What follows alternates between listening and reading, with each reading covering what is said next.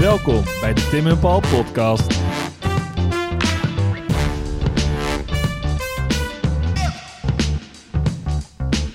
Paul, Ja, is dit dan nummer 9? dat is nummer 9. Why yo. Ja, we gaan als een, eh als We een gaan speer. als een raket schieten we door de geschiedenis. Ja. Ehm, zal ik gewoon beginnen weer? Ja, ja, ik heb een leuk om op af te sluiten voor vandaag. Oké, Ja. nou dan ga ik beginnen. William Marshall. Jee. Willem de Maarschalk. Hij is al Eindelijk. First Earl of Pembroke. Hij is al een keer genamedropt. Ja, meerdere malen ja. Ja. Ehm, we verwijzen daarin in deze context graag even terug naar onze podcast met Mario Dame. eh, over het toernooi en toernooiridders. Ja. Ehm, en daarin werd ook een zekere William Marshall, Marshall. genoemd. Ehm, In de eerste keer dat het opnamen, of de tweede keer? eh, nou ja, in beide volgens Beide mij. keren. Maar de eerste keer was wel wat soepeler, moet ik zeggen. Want de tweede keer moesten we het wel nog even... Oh ja, oh ja William Marshall. Moesten we we het even over noemen. Ja, hebben. moeten we het ook nog noemen, ja. Nee, eh, dus ik ga proberen een lans te breken. Hey. Voor eh, de grootste ridder in... werd hij genoemd in zijn eigen tijd die ooit geleefd heeft. Ja. Ehm, En jij, jij zegt William Marshall. ehm, nou, het is eigenlijk in het Nederlands Willem de Maarschalk, Ja, Willem ja. de Maarschalk. Hij is geboren in 1146 of in 1147. Dat weten we niet precies. Maar we weten wel dat hij overleden is in 1219. Dus dat is echt het midden van, van de middeleeuwen. Ja. Ehm, het is ook echt... Iets daarvoor is, is die hele feodale cultuur ontstaan. En dit zijn wel echt een beetje de hoogtijdagen van, van de middeleeuwen. Ja. nou, wat wel tof is, is dat hij ehm, wel van adel is, maar best wel lage adel. Ehm, en zijn vader die, die, die, die gokt verkeerd tijdens allemaal burgeroorlogen. Dus die familie die raakt een beetje berooid. ja. Ja. Ehm, dus je moet je voorstellen dat dat is een familie die wel van adel is, maar niet echt eh, belangrijk meer is of, of veel, veel aanzien meer heeft. Dus er is niet echt veel voor die jonge Willem om te erven. Dus wordt hij dan maar in de leer gestuurd bij eh, een, een Franse ridder, Willem van Tankerville. Ja. Ook een hele vette naam. Hij gaat naar Normandië als hij 12 is. Kan je ook niet voorstellen om daar gewoon Young, Young Marshall. Young Marshall gaat, gaat op zijn twaalfde naar Normandië om daar te leren ridder te worden. Dus dan moet je je voorstellen... Ga je dan naar school of zo? nou ja, gewoon rammen met zwaarden. Ja. En, ja, en dat toch, toch, toch dat bekende ding van schildknaap... dat je dan eerst iemand moet aankleden in zijn harnas. Ik, Oh, weet, ik ja. weet niet of dat waar is... maar in ieder geval leert hij daar de grondbeginselen van het ridder zijn... van een zwaard vasthouden, van vechten met een lans Ja, en van paardrijden. Dat zijn natuurlijk allemaal belangrijke dingen... die je later nodig hebt als als ridder. gewapende edelman. Ehm, hij wordt in, in 1166 uiteindelijk tot eh, ridder geslagen. En rond die tijd gaat hij dan met de Tankerville naar toernooien toe. Ja. En daar vindt hij dus echt een soort van raison d'être bijna. Ja. Hij blijkt er heel goed in te zijn. En het levert hem ook gewoon heel snel heel veel aanzien op. Die guy wordt gewoon bekend. Die wordt een soort van, zoals Mario Dame ook zei, de Leo Messi van, van zijn Ja. tijd. Hij is gewoon, ah, hij verdient daar geld mee en aanzien mee. En die twee liggen natuurlijk in de middeleeuwen in Desvlak, verlengde. Ja. Ehm, maar hij wordt gewoon een, een graag geziene toernooiridder. En dat is dat toernooi nog inderdaad, eh, wat Mario ook omschreef als gewoon een, een georganiseerde chaos van legers die op elkaar inrijden. En Is dat nog op, dat, op die grote velden? ja, en het is ook dat systeem ehm, dat je dan mensen echt, echt kunt, kunt Vangen, pakken. ja. Ja. pakken voor losgeld. En daar verdient hij dus echt veel geld mee. Nou, ehm, hij is dan, dan gaat hij, daarna gaat hij weg bij de Tankerville. Dan gaat hij naar, volgens mij, Salisbury. Ook weer een graaf ergens. En dan moet ik er wel bij zeggen. Dit is echt, deze fase is een soort van aaneenschakeling van neef en nicht. Ja. Eh, dan zit hij daar gevangen. Dan zit hij hier gevangen. Dan koopt die hem vrij. Dan is hij daar weer, weer aan het vechten. Maar belangrijk is, is dat hij, ehm, ehm, dat hij in 1170 wordt hij aangesteld als een soort van tutor in arms van de, van de Britse kroonprins. De Engelse Oh, kijk eens aan. Ja. Dus je kan je voorstellen dat hij door die toernooien is hij echt van soort van kleine eh nobleman, weet Ja. je wel? Gewoon een ja, klein- iemand die eigenlijk in het grote sp- spel der edelen natuurlijk helemaal geen zak voorstelt. is hij opgeklommen naar de, de Opgevochten. opgevochten. Ja. Heeft hij op, opge... Ja, hoe zeg je? Ja. Ehm, eh, en dan wordt hij dus gewoon de, de wapeninstructeur of, of de vechtleraar van de Britse kroon, van, van de Engelse kroonprins, moet ik Ja. zeggen. Ehm, en dat is natuurlijk wel heel dat is wel echt een hele hoge functie, ja. Ja.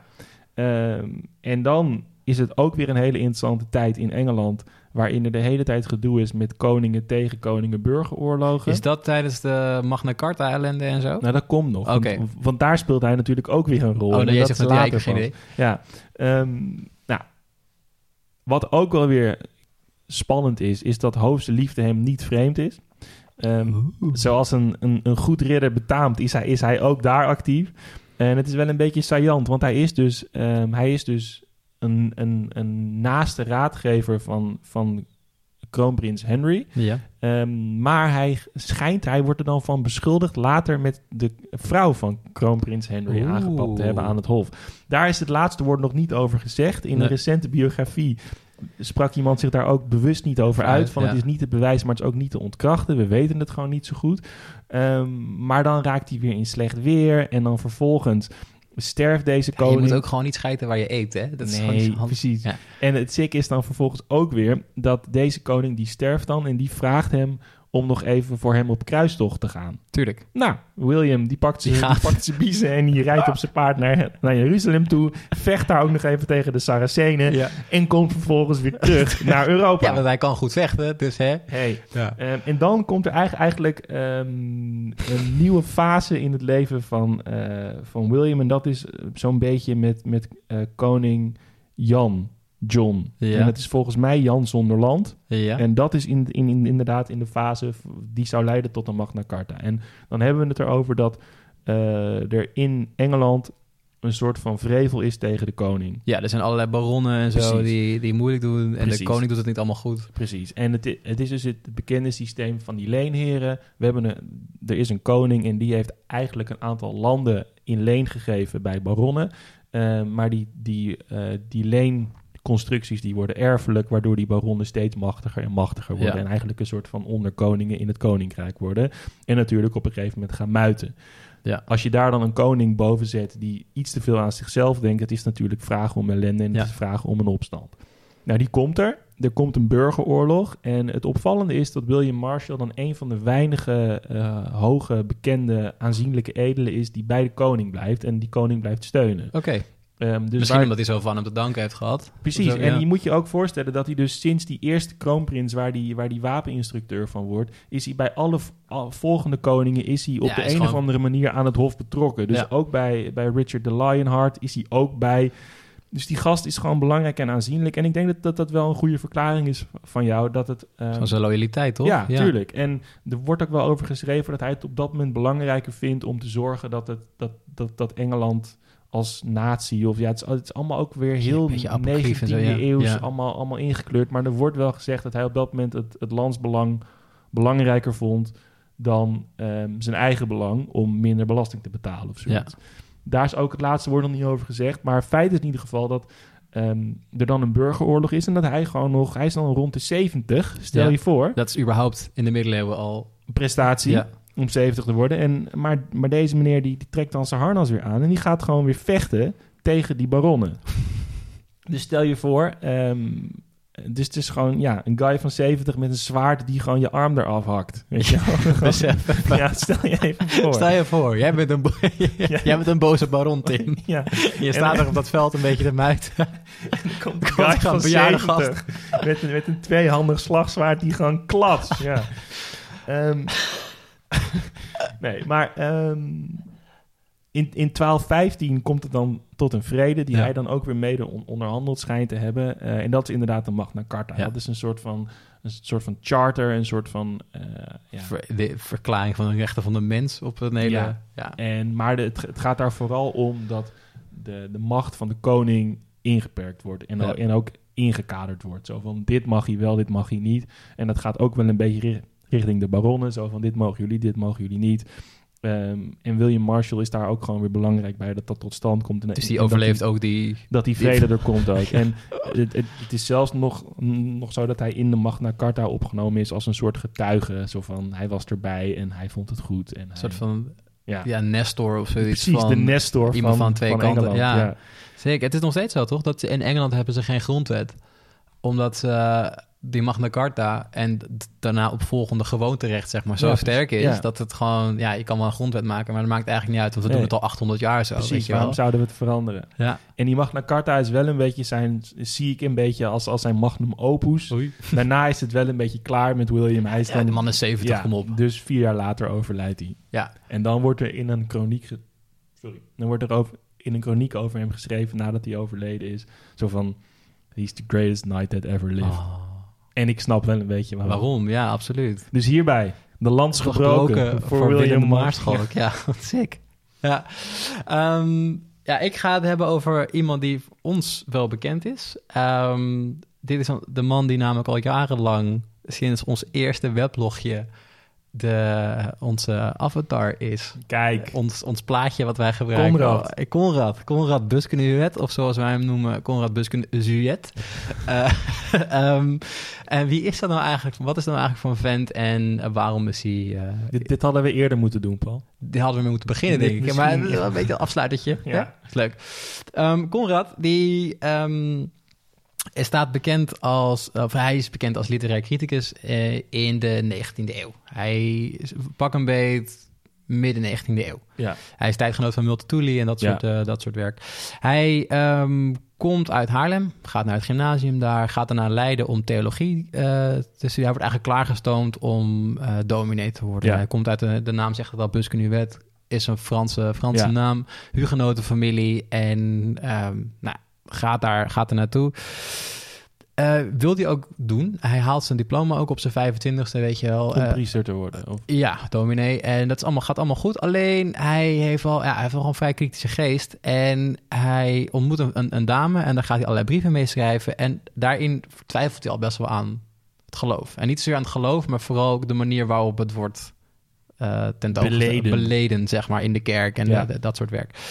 Um, hij gaat vervolgens die brieven schrijven, uh, die worden ook gepubliceerd. En vrij snel daarna denk je, ja shit, gaat mijn carrière als dominee, weet je wel. Ja. Hij heeft het over moderne theologie en hij zegt dan dingen zoals dat de Bijbel niet door God geschreven is, maar gewoon door mensen, weet je Ja. wel. En dat is, nou ja, ik denk, ja, het zal mij een worst wezen, maar dat is voor heel veel mensen is dat op dat moment zeer belangrijk. En dit is ook 19e eeuw in Nederland, waarin geloofstrijd gewoon een belangrijk ding is. Ja. Niet zoals in de 17e eeuw, maar je hebt dus wel allerlei dingen als, uh, weet je wel, uh, Kuiper en de...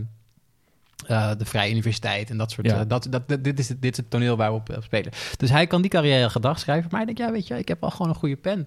Dus ik ga gewoon... Uh, vlotte pen. Ik heb een vlotte pen, ik heb een vlotte babbel. Ik ga lekker schrijven als journalist. Okay. Want niet omdat hij nou per se dat nou heel graag wil, denk ik. Maar ook omdat hij gewoon... Hij vindt het niveau van de Nederlandse literatuur gewoon ruk. En dat ben ik ook wel met hem eens in de 19e eeuw. Er Hij kan het beter. Ja, dat kan, kan beter. Gelukkig is er op dat moment ook een tijdschrift. In de 19e eeuw wordt dat opgericht door een uh, heer Potgieter. Ja. Uh, jou wel uh, bekend. Um, dat is de gids natuurlijk. Ja. En hij wordt daar redacteur. En Hm. raakt ook goed bevriend met, uh, met Potgieter.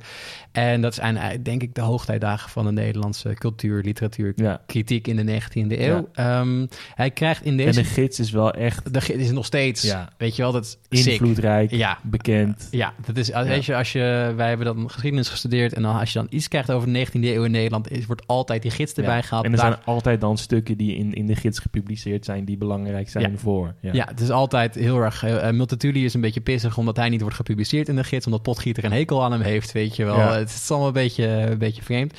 Maar het is wel hoogstaand allemaal. Ja. En um, hij krijgt in die periode als literair criticus... krijgt hij de naam De Bul van Haarlem omdat hij zonder, zonder Sjane, zonder genade iedereen kapot maakt... wat ook maar enigszins ja. niet hoog niveau haalt. Ja. Um, hij schrijft dat over contemporaine uh, figuren ja. die publiceren. Maar nog leuker is dat hij dus mensen uit de 17e en 18e en vroeg 19e Ah, eeuw erbij haalt. En die vervolgens gewoon, terwijl ze al dood zijn, nog een keer gaat natrappen. Hij schrijft over Albert Tijm, de straat waar we nu, uh, nu zitten. Hij schrijft over um, Tollens, onze grote, oh, onze grote vriend. En um, hij schrijft ook over Jacob Katz. En er is dan er wordt over hem gezegd nadat hij klaar is met het, het oeuvre van Jacob Katz. Uh, bespreken. Jacob Katz is de dichter des vaderlands zo'n beetje. Hè? Ja. Belangrijk, belangrijke figuur na Vondel.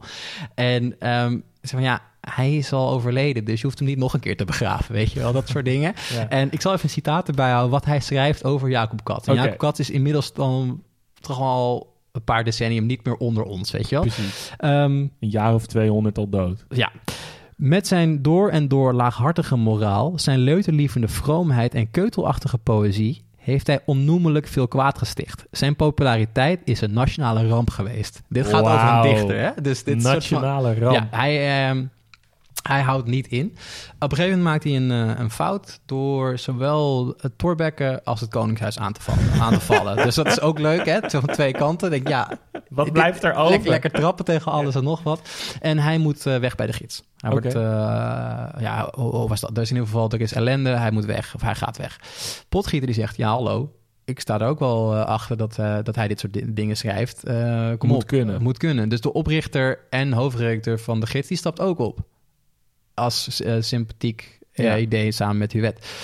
Um, Huwet, die gaat uiteindelijk gaat hij naar Nederlands-Indië toe. Ja. Uh, want hè, als je je al niet meer kan vinden in Nederland, dan ga je de kolonie in. Dus hij komt daar uh, terecht en uh, wordt hoofdredacteur van de Java-bode. Belangrijke, oh ja. belangrijke ja. krant natuurlijk. Um, is er vrij, onder zijn leiding wordt het een vrij conservatieve krant. Ja. En um, publiceert daar een hele sexy novel, Liedewijde. En Liedewijde Hmm. is uh, eigenlijk zijn, ja, een van zijn, van zijn belangrijke werken in fictie. Um, maar wat hij is vooral bezig geweest met kritiek leveren. En hij heeft een, maar zijn, zijn non-fictiewerk... Zijn non-fictie is fantastisch, weet je wel? Dat is nee, maar dat is toch, toch het land van, van, land van, van Rembrandt. Rembrandt. staat hier in de kast. Ja, dat is fantastisch om daar doorheen te bladeren. Ja. Um, en zijn fictie is natuurlijk wat minder bekend. Maar ja. Liedewijde is zijn tijd enigszins ver vooruit. Want het gaat over een vrouw die iemand, weet je wel, uh, verleidt. En dat is, Hmm. allemaal, het is allemaal heel erg Frans. En heel erg enigszins de tijd... Is het ook woke? Nou ja, er zit wel een bepaalde female agency in, weet je wel. Ja, ja dat, dat, kan natuurlijk niet in 19e eeuw Nederland. Ja. Dus, dus, dus enorme rellen breken uit, okay. weet je wel. Um, dus hij moet ook weer weg naar Nederlands-Indië. Komt vervolgens, hij gaat niet terug naar Nederland... want dat is natuurlijk een beetje te small-minded voor hem. Dus hij gaat naar Parijs en daar slijt hij zijn dagen. En hij, Hmm. mm. hij sterft uiteindelijk in... Um, uh, in Parijs achter zijn schrijverstafel. En uh, heeft altijd enigszins rancune gehad over het feit dat hij niet erkend is als schrijver. Ondanks ja. zijn bijnamen en zijn, zijn bekendheid of zijn, de angst voor hem eigenlijk, ja. voor, zijn, voor zijn kritieken. Hij zei altijd van ja, weet je, het is niet omdat ik onaardig ben, maar het is gewoon dat ik, ik wil gewoon dingen beter maken, weet je wel. Dus hij snapte die kritiek niet. Nee. En als je door zijn brieven heen leest en de correspondentie met hem en met name correspondentie over hem, het is een man met weinig vrienden, weet je wel. Ja. Het is gewoon, je kan niet verwachten dat als jij als een... Als, als jij zo bent... Als je door een dan, olifant ja. door een porseleinkast heen racht... dat je daarna vervolgens erkenning gaat krijgen van iedereen, nee. weet je wel. Dat heeft niet zo heel veel zin. Nee. Maar goed, in ieder geval, hij overlijdt en hij ligt natuurlijk begraven... want het was ook wel een dandy... ligt begraven in Parijs, in uh, Père. Tuurlijk. Uiteraard. ja. Zo doen we dat. En um, ja, Conrad Buskenuwet. Vet. Deal with it.